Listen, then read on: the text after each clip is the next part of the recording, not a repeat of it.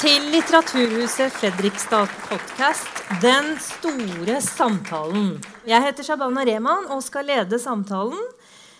I kveld så skal vi snakke om muslimhets og fremmedfrykt. I den store samtalen så skal vi bruke tid på å eh, gå til bunns i tingene og snakke ordentlig sammen. Eh, vi vet jo at denne tematikken er veldig populær i kommentarfeltene. Eh, det er ikke den overfladiske, spisse tilnærmingen vi skal eh, gå inn i i dag. Og mange vil jo kanskje hevde at dette har vi snakket mer enn nok om. Men det har kommet et forslag fra en av våre gjester i kveld.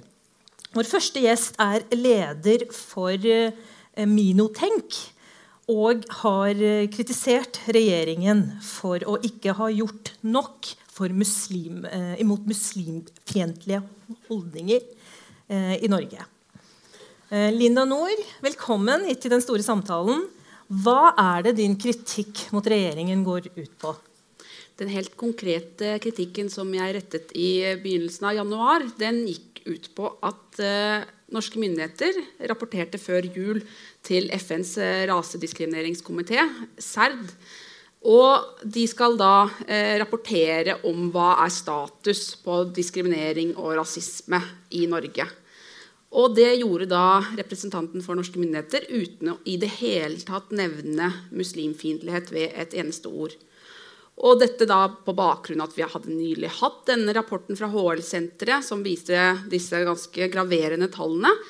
Og ikke minst eh, at det også har vært tidligere rapporter, bl.a. IMDis integreringsbarometer og andre store rapporter som viser at det er en veldig stor del av den norske befolkningen som har fordommer mot muslimer som gruppe.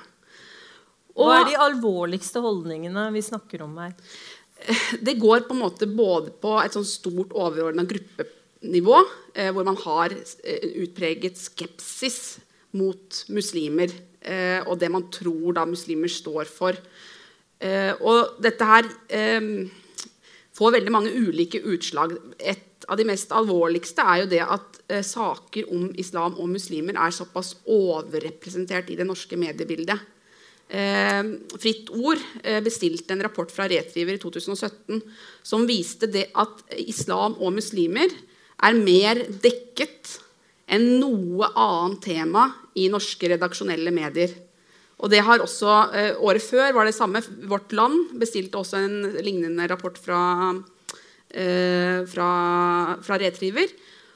Og det er noe som er med på å gi det norske folk eh, inntrykk av muslimer. Altså, Norge er jo et langstrakt land. De fleste muslimer i Norge bor i Oslo-området.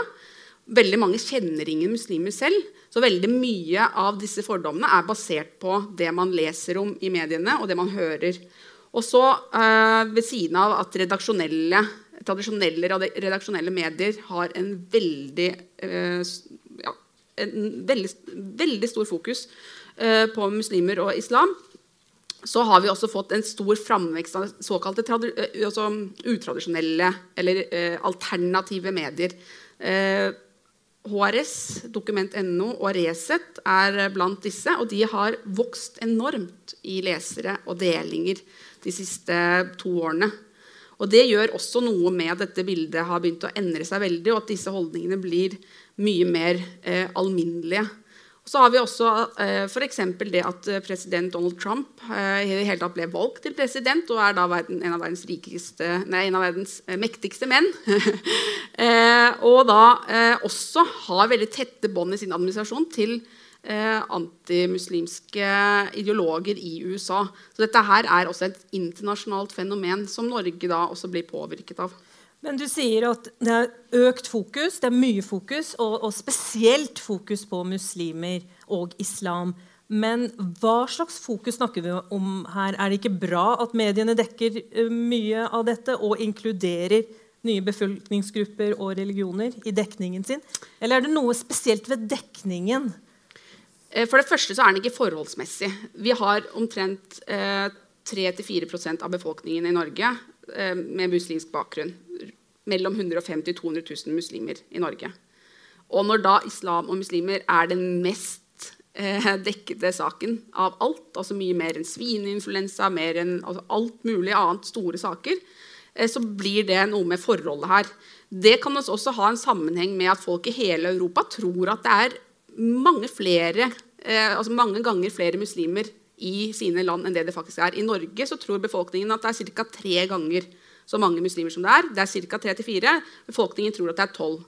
I Frankrike så er det 7,5% muslimer, men befolkningen tror det er over 30 så det er noe med det at Når mediene har så mye fokus, så tror også befolkningen at dette her er et veldig mye mer eh, sant, større altså At det er mange flere muslimer. At, eh, og altså, Men det er flere muslimer enn folk som har svineinfluensa? Ja, ja, ja. ja. Men sant, det var også en av de sakene som liksom fikk veldig mye blest. Da. Men det, for den kristendommen. da. Kristendommen er jo majoritetsreligionen i Norge. Eh, det var det vårt land så på. at Hvorfor får islam så mange ganger mer treff enn kristendommen, som er majoritetsreligionen? Så hva er det som skjuler seg bak denne eh, enorme overdekningen, tror du? Eh, det, det, som i hvert fall er sikkert, er at veldig mye av stoffet er eh, konfliktorientert. Og det er jo også medienes jobb. ikke sant? Man skal jo ikke eh, bare se på solskinnshistorier. Man skal se på ting som er problematiske, som er, har en nyhetsverdi. Og eh, 60% av utenriksstoffet det er, eh, handler om terrorisme. Mm. Så Det har jo en, på en måte, naturlig kobling med at det også har vært en drastisk økning i islamistisk, ekstremistisk terrorisme de siste årene. Eh, eksplosjonen av, i omfang har hovedsakelig vært i muslimske land. Og det har også vært der eh, de flest drepte er. Men det har også vært en økning i Europa. Så det vil forklare hvorfor det på en måte kommer nærmere og blir mer nært. Eh, men, men samtidig... foreslår, dere foreslår en handlingsplan mot muslimhets og fremmedfrykt. Ikke mot dekningen av terrorsaker, ikke mot dekningen av eh... Nei, mot helt spesifikt disse fordommene eh, som befolkningen da har, som jeg mener har en sammenheng med denne veldig overeksponerte mediefokuset, bl.a. Men, men det er de helt eh, konkrete fordommene som går på muslimer som folk og som mennesker som naboer. Eh, Kunne du si noe om hva, hva, hva, dere foreslår i handlingsplanen? Hvordan skal dette se ut? Eh, vi har eh, tatt utgangspunkt i handlingsplanen mot antisemittisme. Som vi mener er en eh, veldig fin modell, og som også har båret frukter. Eh, og vi har fått veldig mye gode råd eh, fra bl.a. Anne Sender, som var sentral i å utarbeide den handlingsplanen. Og det er en del fellestrekk mellom antisemittisme og muslimfiendtlige holdninger. Eh, det er mye, av, altså mye konspirasjonstenkning og at uh, mye den derre uh, tankegangen om at muslimer er en sånn uh, snikende politisk kraft som prøver å ta over Vesten. Og dette her kan man jo gjøre noe med. Det har faktisk fått en effekt av at vi hadde en, handlingsplan mot antisemittisme bare det å skape den bevisstgjøringen, hvordan identifiserer vi eh, det som er muslimfiendtlighet, og f.eks.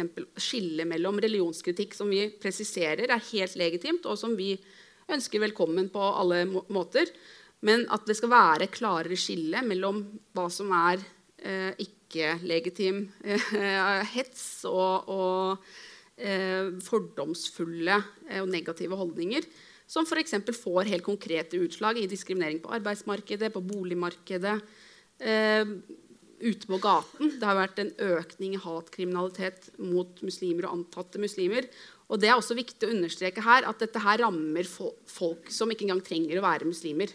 Det rammer folk som man antar har en eller annen form for muslimsk eh, tilhørighet. Så det har en eh, form for rasistisk komponent. Og Det er det som også gjør det såpass alvorlig. At f.eks. det rammer sikher fordi folk tror at fordi de har turban, at de er muslimer. Eh, og det er særlig da muslimske, synlige uh, muslimske kvinner eh, som blir hardest rammet både i kommentarfeltene, men også eh, av de sakene som blir anmeldt til politiet. Eh, Dana Manusheri, du er generalsekretær i LIM. Dere arbeider for mangfold og integrering. Og dere har også fremmet en del viktig religionskritikk. Går det an å skille så tydelig mellom legitim religionskritikk og illegitim religionskritikk? Og hvem er det som egentlig rammes av sensur hvis vi skal gå ordentlig inn i det. Eh, takk for invitasjonen. for det første at jeg får lov til å være med på dette her. Det er et veldig viktig tema som ble tatt opp. Eh, og all på en måte, kritikk mot mennesker, uavhengig om de er muslimer eller jøder, eller om de er brune eller hvite, fordømmes jo. Og det er jo på en måte eh, det er jo forankra i lov. Så vi trenger på en måte å, å finne opp kruttet på nytt. Eh, når det gjelder på en måte konkret å kritisere religion, eh, og da tenker jeg ikke islam, men jeg tenker all religion, det er, jo på en måte, det er jo grunnen til at vi bor i Norge. tenker jeg. At jeg har flytta fra Iran og bor her, er jo nettopp fordi at jeg skal få lov til å kritisere en religion som jeg er uenig i. Og Da tenker jeg, da er vi jo på en måte midt i kjernen av ytringsfriheten. Eh, og den er jo også lovregulert. Så det er klart, Trør du utfor ytringsfrihetens grenser og begynner å gå på en måte på hat og rasisme, og, så blir du jo på en måte tatt av loven. Så for meg så er det på en måte, dette her blir litt sånn smør på flesk. Eh, som Linda sier sjøl, det er 3-4% muslimer i Norge. Skal vi ha en egen handlingsplan for 3-4% av befolkninga? Og det er jo ikke 3-4% opplever jo ikke dette. Det jo, det jo, altså jeg er jo muslim, men jeg opplever jo ikke muslimhat. Uh, så, så det, det, Der går liksom på en måte skillet for meg. da. Vi må skille mellom det som er islamkritikk, og det som er muslimhat. Muslimhat må fordømmes. Og da mener jeg at det, da trenger vi ikke en egen handlingsplan for muslimer, men vi trenger en handlingsplan mot hat. Og det har vi jo. Uh, så jeg er liksom litt, jeg er veldig interessert i å lese dette her. For det er klart uh, det kan være det er noe veldig sensasjonelt som, som, gjør at dette endrer hverdagen for muslimer i Norge. Men jeg tenker det å ha en handlingsplan for å justere og regulere mediene, det blir vanskelig. Å ha en handlingsplan for å endre, endre holdningene blant folk, det går heller ikke. Vi klarer ikke å liksom tre det ovenfra og ned. Da tror jeg det er mange andre verktøy som er mye mer effektive. Hva, hva, tenker du da, Linda? Hvem er det som skal dømme hva som er legitim og illegitim religionskritikk? Hvem er det som skal sitte og vurdere det? Det er jo eh, alltid greit å ha utgangspunkt i saklighetsprinsipper. Og være så konkret og eh, konsis som mulig i den kritikken man retter og ikke generalisere. Så det er jo egentlig bare sunn fornuft. Veldig mye av religionskritikken som. For foregår rundt på sosiale medier, er jo ikke saksbasert. Den er ofte veldig eh, fantasifull og, og, generaliserende. Og den går òg veldig på, ofte på, men, på muslimer som gruppe. At fordi man har en eh, oppfatning om at islam er sånn og sånn, så er også da muslimer sånn og sånn, og utgjør dermed en fare. Eh, når det gjelder dette med at eh, vi ikke skal ha en handlingsplan fordi at er muslimer utgjør en liten gruppe, så mener jeg jo det er nettopp derfor vi bør det. Fordi at eh, jeg mener at når eh, vi har et demokrati som eh, ikke bare eh, vår demokratiske forståelse i Norge handler om mer enn folkestyre og flertallsstyre. Det handler også om vern av minoriteter, og at minoriteter skal ha det bra. Det er derfor f.eks. en handlingsplan mot antisemittisme, selv om det bare er 2000 jøder i Norge, kjempeviktig. Nesten mer viktig enn noe annet, fordi nettopp at det er en så liten minoritet at den faktisk er i, i ferd med å nesten på en måte dø ut i Norge. Det er veldig veldig alvorlig. Nå ikke det, eh, vil ikke det være eh, det samme med muslimer. Det er en eh, befolkningsgruppe som er i vekst. Og på en måte ikke, Det er ikke noe sånn at muslimer flytter ut av Norge pga. muslimfiendtlighet. Der har vi ikke kommet, og det, det, tror jeg ikke vi gjør heller. Men for så oppgir 27% altså nesten 30 at de har opplevd avvisning når, får, når, folk får vite at de har religiøs, altså islamsk tilhørighet. 14% melder om at de opplever diskriminering. Og så vet vi òg at nesten halvparten av befolkningen har ganske sterke fordommer mot muslimer. Og det er veldig veldig mye. Altså halvparten av befolkningen. Det som er veldig positivt, er at omtrent tredje, eh, to tredjedeler av befolkningen, omtrent 75% også er veldig intolerante overfor fremmedfiendtlighet. Så det er et kjempestort potensial her til at folk kan få en bevisstgjøring rundt sine holdninger. Og jeg er jo helt uenig med Dana i at ikke det går an å gjøre noe med holdninger. Det er jo det vi gjør i Norge hele tiden. Når det har vært røyking, og alt mulig, så jobber vi med holdninger. Holdninger til det f.eks. Å, å bruke vold i oppdragelsen. For bare noen tiår siden var det helt eh, vanlig i Norge. Nå er det helt tabu og helt uakseptabelt. Så selvfølgelig kan vi jobbe med holdninger. Det kan både gjøres fra myndighetenes side med ulike grep, og kanskje enda viktigere fra sivilsamfunnets side. Jobbe med holdninger, bevisstgjøring opp mot skoler, barnehager, arbeidsplasser. Og ikke minst sånne debattarenaer hvor man kan ha en dialog og bevisstgjøring om, om, slike utfordringer. Men eh, når det gjelder røykeloven, så ikke sant, dette var i tråd med vår kunnskap om hvor helseskadelig dette er. Mm. Og, og, at vi var helt nødt til å gjøre noe med holdningene og opplysningskampanjer. Og så er det også sånn at det er ting i religionen som skader oss. Ikke sant, I, i, i religiøse tradisjoner mm. som vi er helt nødt til å kritisere. Eh, alt som er pakket inn i dette religiøs-kulturelle mm. fellesskapet, enten det er tvangsekteskap eller omskjæring eller, eller slike ting. Eh, ja, og også rett og slett eh, sosial kontroll også, som IMDis rapport nylig viste. At, eh, at de, f.eks. kvinner som går med hijab, er mer utsatt for sosial kontroll. Så jeg, jeg tror at, at, vi som nå snakker åpent om dette her, må kunne finne ut hvordan navigere i dette. Mm. Fordi eh, jeg tror dette her er, eh, det med handlingsplanen blir så problematisk. Fordi det som spøker i bakgrunnen, er sensur.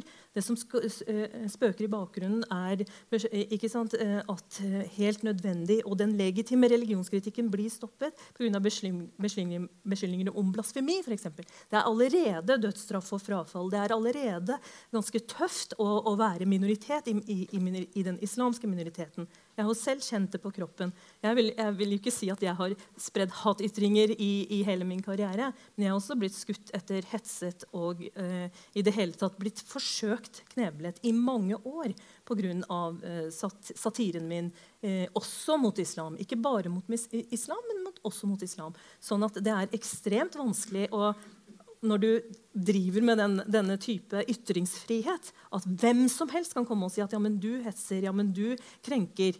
Du gjør det, du gjør det. Og, og, og i dette allerede utrolig farlige feltet så kommer det en handlingsplan som igjen snevrer de som eh, lever sånn som, som meg. da, ikke sant? Som igjen snevrer vår ytringsfrihet. De, vi kommer til å forsvinne med denne, denne handlingsplanen fordi det allerede er er eh, altså Hva med den hetsen som også kommer fra fritrenkere i, blant muslimer? ikke sant? Så jeg vil gjerne høre litt mer. Hva er legitim religionskritikk for deg? Eller for Minotenk? Eh, ja, Der tenker jeg jo at eh, det du belyser der, er jo også en veldig viktig grunn til at vi må ha at vi må strukturere dette feltet. Og vi må da skille mellom hva som er uakseptabel hets av muslimer, som også rammer dine søsken, altså alle som blir mistenkt for å være muslimer, uavhengig faktisk av hva man selv står for. Det er jo det som er problemet her. Eh, du er jo såpass kjent og profilert at folk vet hva du står for. Eh, så du vil eh, kanskje sjelden bli rammet av muslimfiendtlige holdninger. Men de som ikke vet det Jeg ser jo bare broren din for eksempel, blir jo rammet av det ganske ofte når han diskuterer disse temaene. Og det er det jeg mener da, at det er jo helt latterlig. Broren din har jo overhodet ikke noen problematiske islamske holdninger. Tvert imot, Han er jo kjempereligionskritisk, men allikevel opplever han faktisk det. Og det er det jeg mener da, at dette her er helt irrasjonelt. Veldig mye av denne kritikken og denne, disse fordommene og den stigmatiseringen av muslimer er irrasjonell. Og den rammer også muslimer som er, knapt er muslimer. Det er bare med bakgrunn. Det, fordi det, det går ikke på hva man faktisk står for. Og vi er helt selvfølgelig enig i at vi skal verne om fritenkere, om religionskritikk. Vi bedriver det selv. Jeg har selv vært i mange debatter og tatt mange oppgjør med Islamnett med påfølgende veldig mange ubehageligheter. Eh, kritisert Islamske råd og veldig mange andre temaer innen islam. Vi har gitt ut en egen bok som tar opp forholdet mellom islam og menneskerettigheter. Så dette her er jo kjempeviktig også å gjøre parallelt. og Det skal absolutt støttes. Det er jo nettopp det. Vil ikke de som rekrutterer til radikalisme, også kunne rope, eh, rope at mm. dette her er, er, rasisme, dette er, er hets mot muslimer? Det gjør de jo allerede. Ja, og de, de nettopp går på kritikk av religion. Mm. Og da er det nettopp viktig at vi i sivilsamfunnet som er enige om en del demokratiske kjøreregler og hvilke eh, verdier i det norske samfunnet vi vil verne om, at vi vektlegger dette som går på diskriminering og fordommer som ikke egentlig har noe med hva man faktisk står for. F.eks. Islamnett nå prøver også å mobilisere eh, myndighetene. eller altså De krever at det må tas grep mot islamofobi. De, de, velger å kalle det islamofobi. Det er også en av de tingene vi har valgt å ikke gjøre. Nettopp fordi vi vil skille det vekk fra islam som religion. Vi vil ha fokus på muslimer som en gruppe. Så la meg bare forstå deg rett her. Så La oss si at en IS-sympatisør da, mm det du forsvarer da, IS, eh, fra et humanistisk grunnlag, at en IS-sympatisør skal ha rett til bolig, ikke, bli diskriminert fra bolig, arbeid, fordi de, de, har den troen de har. Ikke sant? At de ikke skal bli diskriminert på det en som er ikke, ikke, ikke, ikke er, er jo en tilhenger av en terroristorganisasjon. Mm. Og da begynner man jo å bevege seg inn på noe som er ulovlig. Ja, og selvfølgelig man skal følge rettsstatsprinsipper. Eh, men, men, de har rett til Men det er ikke, det er ikke, ikke IS-sympatisører eh, som det store, det store, delen av befolkningen er bekymret for. Altså, de er bekymret for muslimer generelt. Mm. Vi har hatt et sted ja, rundt 100 Men du er imot diskriminering pga. Av tros... Eh, ikke sant? Trostilhørighet og antatt trostilhørighet. Men man kan kritisere troen men du, man, vi ønsker et vern mot å bli diskriminert som mennesker. Absolutt. Så disse fordommene, denne frykten Dana? Men det tenker jeg at vi har jo allerede. Altså, vi trenger jo ikke liksom kategorisere det til islam eller til muslimer. For vi skal jo på en måte ikke diskriminere folk. Punktum. Er altså, hva er en bakgrunn, om du er fordi du er mørk eller fordi du sitter i rullestol. Vi har aldersdiskriminering på arbeidsplassen. Altså det, diskriminering foregår jo uavhengig av islam. Så jeg tenker liksom det som skal på en måte ha en egen altså, Forstå meg rett, jeg er 100% imot diskriminering av muslimer. Men jeg mener at de trenger ikke en egen handlingsplan. Det er jo egentlig det vi diskuterer. Ja, fordi Vi har trosfrihet, også vern mot å bli, eh, ikke bli diskriminert pga. kjønn, tro, hudfarge. Og så har vi jo religionsfrihet i Norge, så det betyr at du kan være muslim. Og du kan bære hijab. Og, du kan, og da tenker jeg, da må vi på en måte nesten ha eh, litt tiltro til loven. da, Og tenke at hvis noen trer utfor det som er lov, så må vi jo på en måte henvende oss til bruke loven. Men Dana, er du ikke enig i at eh, La oss se på opp, oppblåsning av alternative medier, da, som Resett, HRS, Dokument.no. Eh, ikke sant? Vi har jo faktisk hatt eh, te et terrorangrep med bakgrunn i at det er eh, muslimhat som kanskje kan være eh, motivasjonen. Så er, er ikke, hva tenker du om dette? At det er jo en retning i vekst? Absolutt. Eh, men det tenker jeg handler ikke om Norge. Det tror jeg det handler om, om det store utlandet og verden. Og hvordan på en måte alt fra Trump som du nevner, til hva som skjer i Midtøsten. Vi kommer ikke utenom det. Det skjer. Terror skjer. Det skjer i muslimske land. Vi hadde jo just i dag, som det ble proklamert ut, en en, eh, muslimsk, nei, en aktivist i Iran som blir nå fengsla i 38 år med 140 piskeslag fordi hun jobber, at, eh, altså, hun jobber, for at kvinner skal ha selvbestemmelsesrett i Iran. Det skjer i et muslimsk land med det er klart, Om det er islam eller ikke, det er jo nå på en måte diskusjonen. Men, men poenget er at det er i et muslimsk land hvor det sitter muslimske ledere som fengsler denne dama fordi at hun jobber mot eh, tvangstildekning av kvinner. Og det skaper jo et raseri. Det skaper jo at ja, men Hvorfor skjer det ikke nok? Hvorfor demonstrerer man ikke nok her i Norge? Hva mener muslimene i Norge? Eh, er det egentlig litt sånn påtvunget at vi må mene noe om det? Nei, Påtvunget eller ikke. Jeg mener det er vår plikt. Vi har en mikrofon i Norge som ikke antageligvis bør bli knebla. Mm. Vi har ytringsfrihet. Vi har en plikt på vegne av resten av verden til å uttale oss, på samme måte som Linda føler en plikt til å nå skal verne om eh, muslimer i Norge, så mener jeg det er vår plikt også å ta de store diskusjonene. Og det er klart Islam eh, som styringsverktøy er et problem. Det smitter over på nordmenn. Det smitter ikke bare på Norge, men det smitter på hele verden. At folk, Den vanlige mannen på gata klarer ikke å skille mellom IS-sympatisører, vanlige muslimer Det er ingen som kanskje ville trodd at jeg var muslim. Men jo, så er det nå engang sånn. Altså, hva er liksom har vi, et, et stor, altså har vi en altfor stor forventning til hva folk skal vite om muslimer, så er det vel vår jobb å opplyse dem. Og det tror jeg ikke vi gjør gjennom en handlingsplan. Det tror jeg gjennom kampanjer, debatter, som du sier, folkeopplysning. Vise disse her gode eh, eksemplene med muslimer som gjør et godt stykke arbeid, som er integrerte, som, som bidrar på alle mulige måter som alle andre gjør. Hadde det, ikke vært litt ok da, med en handlingsplan som nå stopper den der monomane, ekstreme og slits, utmattende islam, islamofobikritikken som du møter uansett hvor du snur deg? At man klarte på en måte å, å, si at dette her er ikke greit, men dette er religionskritikken. Jo, altså hvis, hvis, en, hvis det var noe sånn at du møtte muslimhat overalt, det gjør vi jo ikke. Det er jo ikke, det ikke tilfellet. Det viser jo tallene. Det er jo ikke 100% Det er 50% som har en holdning som ikke er riktig. Det vil si det er det 50% som ikke har det.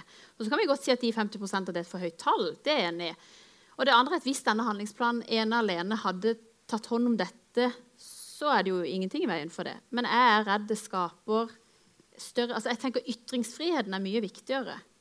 Uh, og jeg tenker at Hvis dette er med på å svekke litt av ytringsfriheten, så er jeg 100% imot det. For jeg mener at ytringsfriheten må gå øverst. Uh, og så er det nå en gang sånn at lovverket er bygd opp sånn at du kan være en, en, fri muslim i Norge med hijab, uten hijab, med sterk tro, med middels tro, med light tro, med ingen tro. Vi har allerede et lovverk som tar hånd om oss. Uh, la oss ikke gjøre oss til ofre, for vi er ikke det. Vi er ressurssterke mennesker som kan fint ta denne kampen. Men så vil jeg òg si at jeg mener at den kritikken Linda fører her, den er jeg enig i. Men den må ikke rettes mot regjeringsapparatet. Jeg mener den må rettes mot mediene. Hvis de er så opptatt av å få disse kliksene sine, ja, da selger de dette. En periode var det sex som var veldig hot. Og ja, Skal vi forby sex, da? Liksom, altså, en periode? Unnskyld. Ja, det er kanskje hot, men nå er islam hottere, da, tydeligvis. Så hvis de klarer å kombinere sex og islam, så er vi kanskje kommet lenger. Men mitt poeng er bare at mediene publiserer det som selger. Sånn har det alltid vært, og sånn vil det alltid være. Regjeringen og også statsministeren var invitert her i kveld for å kunne svare på kritikken, og de takket nei. Så um, det, det, vil vi ikke stoppe kritikken eh, med det første uansett, men de har i hvert fall fått invitasjon til å kunne svare på kritikken. Så må jeg bare si en ting, beklager. og det er det at eh, Jeg tror at eh, hvis, på en måte, hvis, skal, hvis jeg skal komme med tips da, på hva som på en måte kan endre holdninger, det er at hvis muslimene sjøl først tar oppgjøret med de deler av religionen sin som ikke er bra, da tror jeg vi er kommet veldig langt. Det er noen som gjør det. Eh, jeg skulle ønske det var flere. Jeg tror det er mer med på å skape en endring blant nordmenn. At vi faktisk kan erkjenne og si at du, den og den delen av vår religion er ikke bra. På samme måte som kristendommen har gjort. De har tatt et oppgjør. Det er mye som kan forbedres der òg. Men det har vært en sånn reformasjonsprosess. Og det har ikke islam gjort. Og det, Hvis jeg skal kritisere religion, da, så er det det det går for min del. Der tror jeg vi ser den store endringa. Men vi har jo sett en utvikling i norsk offentlighet med at uh, sekulære organisasjoner uh, med tidligere muslimer eller eksmuslimer, eller også nåværende, som tar religionskritikken De organiserer seg, skriver kronikker, deltar i den offentlige debatten og de er jo også med på å stille de viktige samfunnsendrende, kritiske spørsmålene i norsk offentlighet. Eh, og som da sikkert også blir med i den statistikken om hvor mye islam som diskuteres eh, nå. Og det er jo et tegn også på en, mm. en reformasjon som er i gang. Så det er jo ikke slik at, eh, at at det har fått mer fokus i offentligheten med islam og muslimer, er bare negativt. Det kan jo også sprenge fordommer. Linda, har du noen kommentar til det? Eh, først vil jeg gå tilbake til det her at vi begynner å snakke om å innskrenke frihet. For det første, det her er ikke snakk om å innskrenke ytringsfrihet og ikke ha noe lovverk mot, uh, for å regulere medier eller noe som helst. Det som er nemlig Poenget er jo som du snakker om, at det er en markedsstyrt medievirkelighet. Det er jo nettopp fordi at det her er så hot i befolkningen. Det er så stort, stor uh, Helt nesten uendelig eh, behov for å få stoff om islam. Og da leverer jo mediene det folk ønsker. Så det er derfor eh, vi må jobbe med denne her eh, voldsomme fikseringen på muslimer og islam. Så det er den clickbait-greia med en slags eh, at islam blir brukt i en sånn primitiv og, og at, det er en, at det har blitt noe som folk er så opptatt av, uten å egentlig nødvendigvis kjenne så veldig mye til. Og vi må faktisk forvente i det opplyste samfunnet Norge, hvor folk flest har gjennomsnittlig ganske høy utdanning, at de skal klare å skille mellom ulike typer muslimer og ikke sette eh, religiøse islamistiske ledere i Iran i samme bås som muslimer som har bodd her i Norge nå snart i tre generasjoner, og overhodet ikke har noe som helst forhold til det eh, islamistiske prestestyret i Iran eller hva f.eks. IS gjør rundt omkring i verden. Det må vi faktisk kunne forvente av folk. Og det er masse av det som Dana sa her nå, Hvis vi hadde sagt det samme om f.eks. jøder, at ja, men jøder må rydde opp selv før vi begynner å snakke om antisemittisme, nei, det er helt hårreisende. Fordi at de fleste muslimer har faktisk ikke noe de skal trenge å måtte forsvare. De er helt vanlige, lovlydige borgere, akkurat som alle andre, og skal ikke måtte akseptere og tåle å bli satt i bås med terrorister, med kvinneundertrykkelse, med islamistisk undertrykkelse. Altså, det er noen logiske brister her som er helt vanvittige, og som vi aldri aksepterer hvis det gjelder andre typer grupper. Og det er nettopp den problematikken som gjør at det blir litt spesielt med muslimer. At vi aksepterer en gruppetenkning som vi ikke gjør med andre. Og det, jeg mener for når det gjelder, Vi satt jo jeg og Dana akkurat like før vi starta her. at ja, vi må gjøre noe eh, med den kvinnen som er fengslet i Iran. Det var vi enige om. Det må vi eh, gjøre noe med. Det er ikke for å sette muslimer i godt lys. Det er fordi det er en viktig menneskerettighetssak. Og jeg mener alle eh, borgere som er opptatt av kvinners rettigheter og, og menneskerettigheter, bør engasjere seg i det. Ikke bare muslimer, ikke bare eh, noen andre. Og det er, det er liksom den gruppetenkningen da, som jeg mener faktisk eh, også kan bli farlig. Og det er også noe med unge mennesker som vokser opp i Norge, som ikke føler at de blir akseptert som norske. Det er kanskje noe av det mest alvorlige her. Eh, at såpass mange unge også føler at dette fiendebildet og den motsetningen mellom Vesten og islam er helt reelt. Det var det en ung i Oslo-undersøkelse for eh, et par år siden som viste det var over 8500 respondanter mellom 16 og 19 år. Hvor én av tre hadde en sånn oppfatning at Vesten var i krig med islam, og vice versa. Denne eh, oppfatningen er også veldig høy i befolkningen for øvrig. Og det er noen typer fiendebilder og sånn motsetningsbilder som faktisk er veldig alvorlig. Det skaper mye mistillit. Det skaper eh, fremmedgjøring og utenforskap i verste, verste, fall. Og jeg mener det er viktig at vi som er eh, på en måte moderate aktører, må ta tak i denne tematikken. Både selvfølgelig utfordringer innen religiøse miljøer, ja, helt klart, det gjør vi også, mm. men også denne utfordringen med at muslimer så, eh, har så masse fordommer mot seg i befolkningen. Og spesielt hva det gjør med unge muslimer som vokser opp. At ikke de føler at de blir akseptert som norske nok. Mm.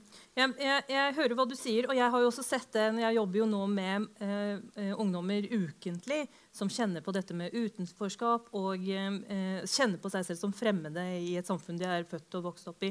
Men jeg er ikke helt, helt med på det der med at Eh, eh, det at eh, den norske befolkningen nå vet mer om islam I den offentlige debatten så føler jeg at det blir stilt eller i hvert fall de debattene jeg er med at det blir stilt mer presise spørsmål, også fra nordmenn. Det, for, for, meg så høres, høres din monolog nå som om ansvaret alene ligger hos, hos, den norske befolkningen. Fordi sant, Kunnskapen om islam har faktisk økt. og Selv om man ikke sammenligner det med religiøse ledere i Iran, så kan det jo hende at du mm. kjenner på at, at din nabo har, sitter med holdninger som er for dødsstraff, som er mot homofili, som, som ikke lar døtrene få, få være, ha den sosiale friheten. Og de spørsmålene er det jo også blitt en større aksept for. At man kan bry seg, at man kan reagere. At vet du hva, I klassen min så, så går det noen jenter som, som forsvant, ikke kom tilbake etter sommerferien eller um, ikke får svømme. Og så får de til, svar tilbake at ja, dette, dette, er vår religion. Sånn at vi som samfunn mener jeg at har modnet og blitt uh, uh, modigere på å, å likebehandle også muslimer. Ikke forskjellsbehandle dem, men likebehandle dem ved å spørre dem at vet du hva, det, det, var ikke sånn likestillingen kom dit vi er i, Norge i dag. Det kom ved at vi, stilte spørsmål, at vi var kritiske, at vi var selvkritiske. Jeg ser ikke på deg som fremmed lenger, derfor kan jeg spørre deg hva er det som skjer her. Hvorfor behandler du din, din familie sånn? Og dette har jo ikke noe med at man tenker at, eh, at, at eh, Eller man er rasist, eller man har fordommer. Ikke sant? Man ser hva som skjer rett foran øynene på dem, og det har gått altfor mange år om at man har ikke fått spørre. Og så får man kritikk tilbake. Hvorfor har du ikke brydd deg? Feminismen får kritikk. Eh, venstresiden får, får, får, kritikk ikke sant? fordi at de aldri har tatt opp disse tingene. Og så gjør de det, og så er det også feil. og så er det fordomsfullt. ikke sant? Så, så, så, så det er ikke lett for nordmenn å navigere i det feltet heller. Du skal få ordet, Dana. Nei, Jeg må bare ba, gå tilbake til det Linda sier i forhold til jødene og muslimene. Sammenligne de er på en måte for meg blir helt sånn uh, far-fetch. Altså, for det, det, er klart, en holdning, eller at en agerer med en holdning at ikke en ansetter noen, er forkastelig. Mm. Men sammenlignet med at mange millioner mennesker ble liksom gassa i hjel Den, den sammenligninga blir altså Hvis det er på bakgrunn av at jødene hadde det kjipt, derfor vil vi òg handlingsplan, så, så, blir det liksom det, det Snakker om antisemittisme som et fenomen, da. Ja, ja. Men jeg bare tenker at den sammenligninga sånn, den må vi bare være litt forsiktige med. For det er klart det er, to, det er to helt forskjellige historier. Uh, men så tilbake til det. Det gjør ikke uh, kritikken eller holdningene mot muslimer at det er greit. Overhodet ikke. Jeg mener absolutt at det skal slås ned på. Men det, det oppgjøret som jeg etterspør, er jo nettopp det du tar opp nå. Med sosial kontroll, med holdninger, med håndhilsninger. Har vi en sak i media? Forbaska dumt at mediene skriver om det. Men nå var det jo realiteten. Det var en fyr som ikke ville ta en jobb fordi han måtte håndhilse. Hvordan skal vi på en måte opplyse nordmenn om dette da, og fortelle at nei, dette er ikke religion, dette er en mann som er litt sånn, han er ikke helt god. Altså på et eller annet, En eller annen knagg må vi jo henge han på. Og han sier jo sjøl at det er islam. Og det er de oppgjørene jeg snakker om. Da jeg tenker at Det hadde vært kjempeviktig at muslimer i Norge hadde gått ut og sagt dette er ikke vår generelle holdning. Han har overtolka, han klarer ikke å tilpasse seg, han et eller annet. Og så blir dette avfeid, istedenfor at vi som sekulær må gå ut og si at likestillingsombudet bør sette foten ned. For hvor går grensa? Hva er neste? Hvis han sier at jeg ikke vil jobbe på en samme arbeidsplass som en homofil, så må vi på en måte videretolke dette og prøve å damage controle det han setter i gang. Jeg mener Sånne tilfeller gjør, er bjørnetjenester for islam i Norge. Jeg vet at det, Majoriteten av muslimer i Norge er helt OK folk. De er helt like meg og og alle andre. Men det må vi signalisere ut. for det er klart sånn som bildet er nå, så er det sånn eh, skummelt eller noen som er litt sånn utrygt. Eh, så kan vi godt si at ja, da, med en handlingsplan så endrer vi det. Jeg tror ikke det. Jeg tror Vi må opplyse, vi må vise de gode historiene. Vi må vise at ikke vi er så annerledes enn alle andre. Det er først da endringene kommer. Hvordan, hvordan, gjør man det, da? Hvordan organiserer du den aktivismen rundt Nei, med li liberale, moderate muslimer? Jeg mener at først og fremst når det kommer caser som er kobla opp mot islam, som er negative, så må muslimske, det muslimske samfunnet i Norge med en gang distansere seg. Kjempeunødvendig, det burde sikkert ikke vært sånn, men det gir effekt. Det gir effekt at det, Linda Nord eller Basim Gosland eller noen andre går ut og sier at dette er ikke greit. Men det gjør det ikke. Vi sitter i den likestillingsdebatten om denne håndhilsningssaken. Og det er ingen som klarer å si at dette er ikke altså vi, Det står også i Koranen at vi skal tilpasse oss tida. Hvorfor kan vi ikke tilpasse oss? Når kommer denne tilpasninga? Dette må vi tørre å si. Vi må tørre å si at eh, tvangsekteskap er kanskje ikke en del av islam. Det er mange som tvangsgifter døtrene sine som muslimer, men det er ikke en del av islam. Vi må tørre å si at kjønnslemlestelse står ikke i Koranen. Altså Disse oppgjørene må vi ta. Vi kan ikke forvente at nordmenn skal vite alt dette her. Jeg kan ikke alt om jødedommen. jeg kan ikke alt om kristendommen. Opplever du å bli dømt for det som skjer i Iran, og, og at du selv også er muslim her? At du må svare for det hele tiden? Eller Hvordan opplever du det, det feltet som Linda har tegnet opp? Jeg opplever ikke, altså jeg har pleid å si at jeg opplevde rasisme eller diskriminering første gang i en alder av 32. Og det var ikke en etnisk hvit mann, men det var en, en muslimsk, eh, irakisk mann som mente at jeg ikke var muslim nok. At jeg var ikke mørk nok. Jeg brukte ikke hijab. Altså, jeg ble diskriminert fordi jeg ikke var eh, konservativ nok. Eh, så jeg har aldri opplevd personlig den type diskriminering eller den type hat som Linda snakker om. Men jeg kjenner at det fins. Tenker du, Da høres det ut som at du tenker at det, bør, egentlig, det som bør styrkes mer, er eh, Eh, retten til tros og tankefrihet. Altså retten til å være annerledes, til å være seg selv. Eh, at det er det som skal styrkes i et nå mer og mer eh, hva skal jeg si, multietnisk Norge. Flerreligiøst Norge. Absolutt. Absolutt. Men jeg mener fortsatt at vi har lovverk til å dekke det. Vi trenger, ikke, altså trenger ikke å peke ut bare muslimer. Jeg tror det gjør vondt verre. Spesiell. Jeg være helt ærlig. Linda? Det som er med en handlingsplan, det er jo ikke en uh, magisk formel. Det er jo rett og slett en systematisering av et arbeid mot et bestemt felt. En handlingsplan inneholder konkrete tiltak og noen verktøy til hvordan man kan jobbe mot en konkret utfordring. Så det er ikke mer hokus pokus. enn Det egentlig skjønner jeg ikke engang at det er kontroversielt. Eh, det er veldokumentert at muslimfiendtlighet er et såpass stort problem. Vi har en lang tradisjon i Norge for å jobbe holdningsendrende med ulike samfunnsutfordringer. Og mitt anliggende her er primært at det er en demokratisk utfordring at en minoritet i Norge har et såpass store, et stort omfang av, av stigmatisering og, og negative fordommer mot seg det får faktisk helt konkrete utslag i den enkeltes liv. Og så kan man komme med enkelttilfeller om en mann som ikke vil håndhilse. Og her sitter jo til og med en representant fra en organisasjon som er med mediene, som ikke har fått med seg. Jeg skrev en artikkel mot det i Dagbladet. Basim Gosland, som hun også nevner, stilte også opp i, i, mm, i, debatt om dette her. Så det er ikke sånn at muslimer ikke engasjerer seg i disse sakene. Det eh, gjør de, og det viser også medieutviklingen de siste årene. Stadig flere eh, nye muslimske steder, stemmer, stadig større mangfold.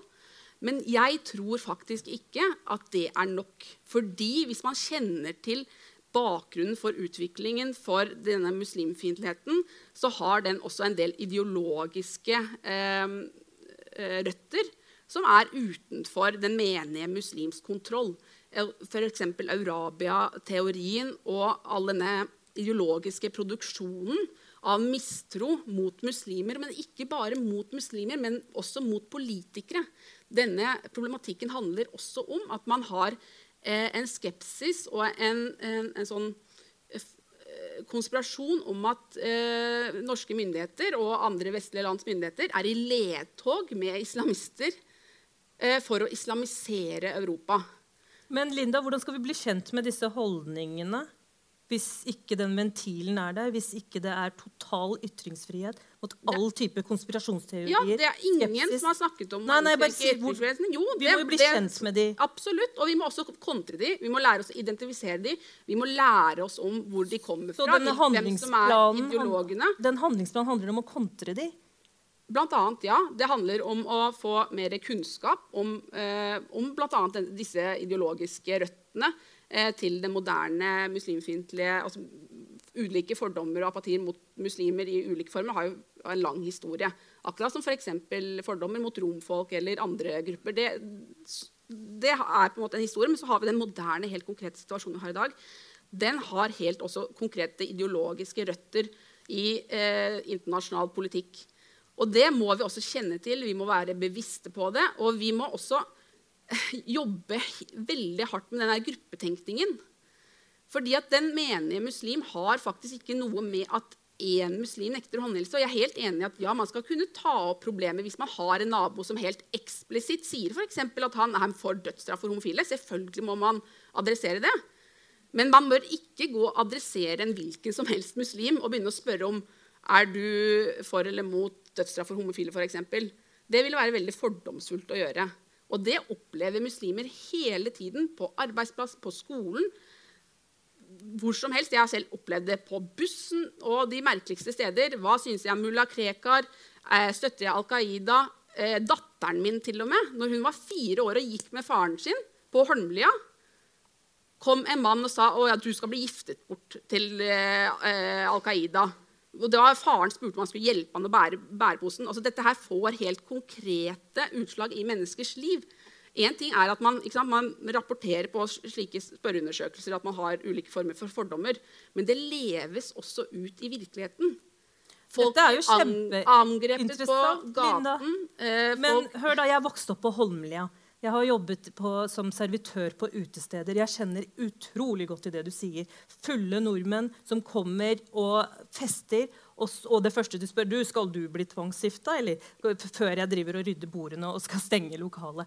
Men jeg har på samme måte opplevd å gå ut på gata på Holmlia, hvor muslimske gutter pakistanske gutter har kommet og spurt hvorfor er skjørtet ditt så eh, ikke kortere. Hvorfor er du ute klokken ni? Mm. Og pekt og pekt og pekt. Fordi jeg er kvinne, fordi jeg er muslim. Så en handlingsplan, en holdningsendring, det må jo være Derfor har vi jo det må jo treffe, derfor det må treffe mange, bredt. har vi jo i mange år nå hatt eh, handlingsplaner mot negativ sosial kontroll. Det er jo nettopp derfor vi I mange mener år? I mange år, ja.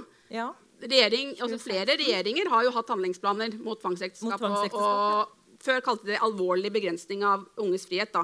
Negativ sosial kontroll har liksom blitt det, det kom aldri til Holmlia, i hvert fall. jeg bor jo på Holmlia nå, Ja. og det er veldig mange jenter der ute nå med alle slags mulige klær. Altså, dette her er jo også en utvikling, og det har jo du selv sett. ikke sant? At fra du starta, hvor kontroversiell du var, og nå, hvor du faktisk kan lede en revy på Stovner. Det har jo vært en helt fenomenal utvikling fra første til andre generasjon. Og det må vi klart, helt ta med oss i dette her bildet, for ellers så er vi jo med på Utviklingen Og- skjer helt klart. Men ja, jeg kommer rett fra Stovner, hvor eh, gutter kan være ute og øve på revyen til sent på kveld, og jenter kan ikke det. Talentfulle, fantastisk flinke jenter som, hvor scenen tilhører dem, mikrofonen tilhører dem, og de tar den. Men fortsatt så vet vi ikke hva som skjer når de går ut av videregående skole, skal på universitetene og skal velge eh, sine partnere selv. Så utfordringene er der. Kontrollen og de, de som peker på hvorfor er ikke hijaben din ordentlig på plass. hvorfor er ikke det, Og samtidig de som spør har du valgt det sjøl, eller har du blitt tvunget. Så det er en dobbeltsidig peking på, et, eh, på en religion som, eh, som er eh, mer og mer synlig i, by, i, i bybildet vårt. Det er der, Det er jo flere jenter til og med med hijab med i den revyen. Ja, ja, ja, absolutt. absolutt. Det er det jeg sier. Og de er opptatt av at de blir spurt har du valgt det selv. Samtidig som de også kjenner på eh, sosial kontroll. Det vi snakker om, er dobbel diskriminering. Det er det ungdommen opplever. Dobbel diskriminering, som vi alle kjenner godt til. Men vi skal avrunde. Dette har vært en utrolig spennende samtale. Eh, og jeg tror ikke vi egentlig er ferdige. Vi kunne holdt på i timevis.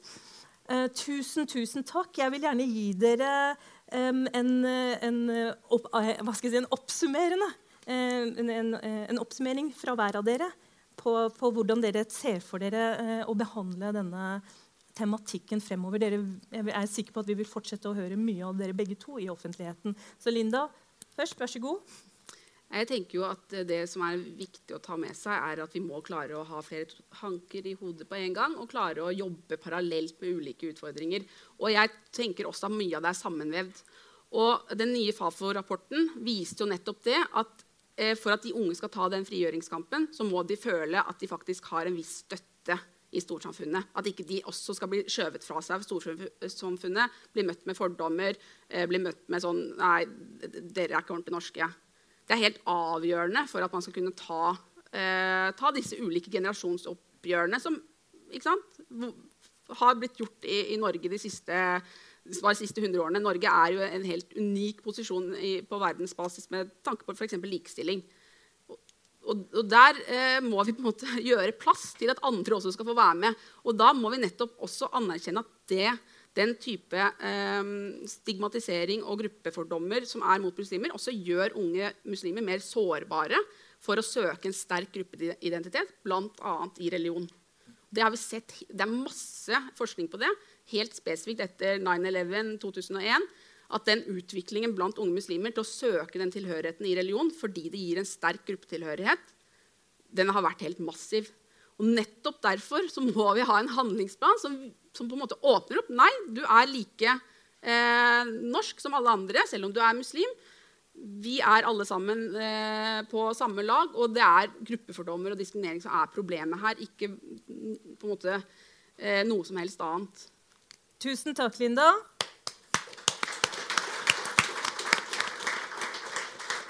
Dana? Jeg tenker òg at Det er vanskelig å være uenig med det Linda sier. Eh, men for å drodle videre så tenker jeg at eh, vi trenger kritikk. Kritikk fører til endring. Endring ønsker vi når ting går i en feil retning, om det er sosial kontroll, tvangsekteskap. Hadde ikke dette blitt kritisert, så hadde det ikke blitt endra. Nå er vi på en, på en, god flyt. Det er mange som har stått fram. Støtte, jeg tenker Det er viktigere å støtte disse stemmene til å stå fram og være med å gjøre denne endringa. Nettopp for at de skal få denne tilhørigheten. For det er først når de klarer å bryte med de eh, mekanismene som gjør at de blir skilt ut fra resten av befolkninga. Om det er at du er ikke god nok, eller du er ikke muslim nok, eller du er, du er mye bedre enn de andre. Derfor kan du ikke henge med nordmenn. Så tenker jeg Det er først når vi fjerner det skillet der, at vi klarer å forene mangfoldet i Norge. Tusen takk.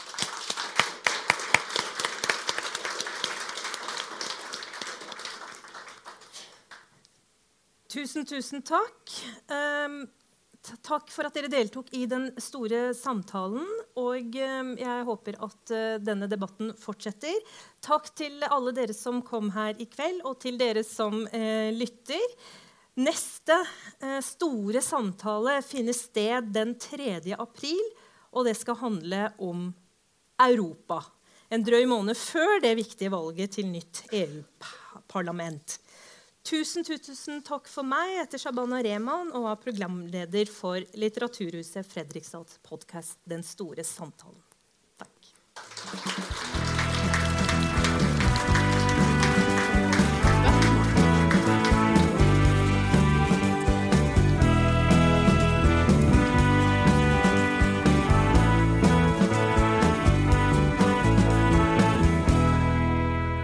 Denne podkasten er produsert av Litteraturhuset Fredrikstad.